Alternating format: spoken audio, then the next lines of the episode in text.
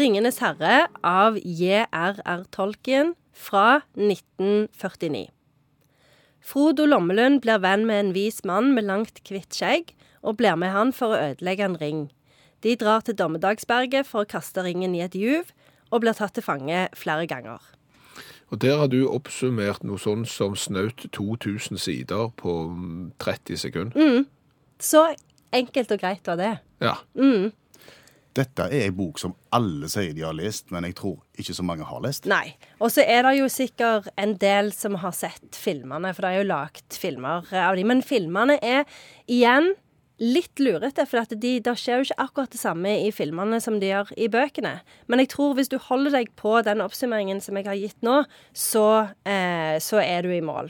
Men det som en kan legge til da på slutten, det er jo at det, eh, ringen havner i juvet. Men det er ikke fordi Frodo Lommelund kaster den i, i juvet. Det er fordi en som heter Gollum, biter av han fingeren med ringen på, og så snubler og faller i juvet sammen med ringen. Så det kan være litt sånn nyttig.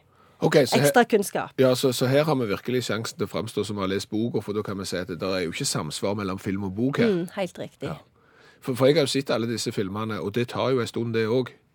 Så, så her kan du velge mellom å lese 2000 sider, se ni timer med film, der noen går, slåss, går litt til, slåss litt lenger, så går de enda lenger før de slåss, og så var den filmen slutt. Ja, nemlig.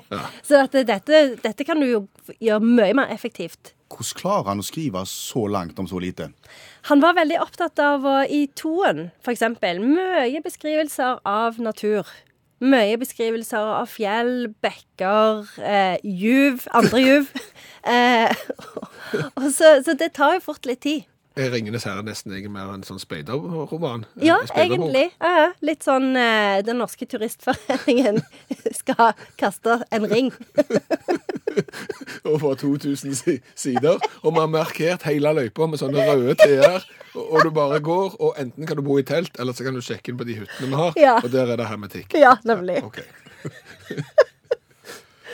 Hva er det som gjør at dette har blitt ei mytiske bok som generasjon etter generasjon skal lese eller har lest? Det er litt det at du har litt sånn magiske vesener, er jo alltid gøy.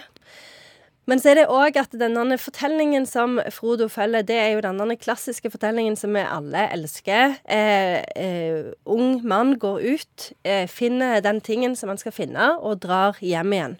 Om det er litt sånne eventyrgreier her med tre og sju og sånn. Ja, mye tre og sju. Mye tre og sju. Askeladden? For det er jo liksom den som ingen tror skal kunne klare noe som helst, som viser seg å være den mest heltemodige av de alle. Men nå vet vi jo at eh, svært mange påstår at de har lest denne boka uten at de har, for den er altfor lang. De har kanskje sett eh, ni timer film uh, istedenfor. Det er jo en grunn til at folk gidder å lyge om det. Og jeg tipper at det, kanskje de aller ivrigste har kommet halvveis i toen. Da er det såpass mange beskrivelser av et sånt et rike hvor det bor mange folk som liker hester, at eh, Er det juv? Det er en del Og trær. Okay. Og da orker du ikke mer. Det blir nok. Har du ett sitat fra Ja. Ringenes herre du Ja. har lyst til å dele med oss? Ja, jeg har dette. Tal. Hvis ikke lager jeg en bulk i hatten din som selv en trollmann skal ha vansker med å rette opp. Det er ting en sånn fin trussel Ja. som du kan bruke hvis folk gjør seg vanskelige og ikke vil fortelle deg ting. Det er nesten som å bli trua med tre babylonske slag over nakken med et vått wienerbrød. Ja, sånn som danskene gjør. Eh, oppsummeringenes herre for oss. Det er jo Turistforeningens håndbok over 2000 sider. Vandring gjennom skog og mark, og med et veldig forkjærlighet for juv. Og til slutt så hiver du ringen. Veldig bra. Tusen takk, Janne Stigen Dreisholt. Du er litteraturviter og forfatter. Tidligere hjelpetrener i friidrett og foreldrekontakt på andre trinn. Andre trinn.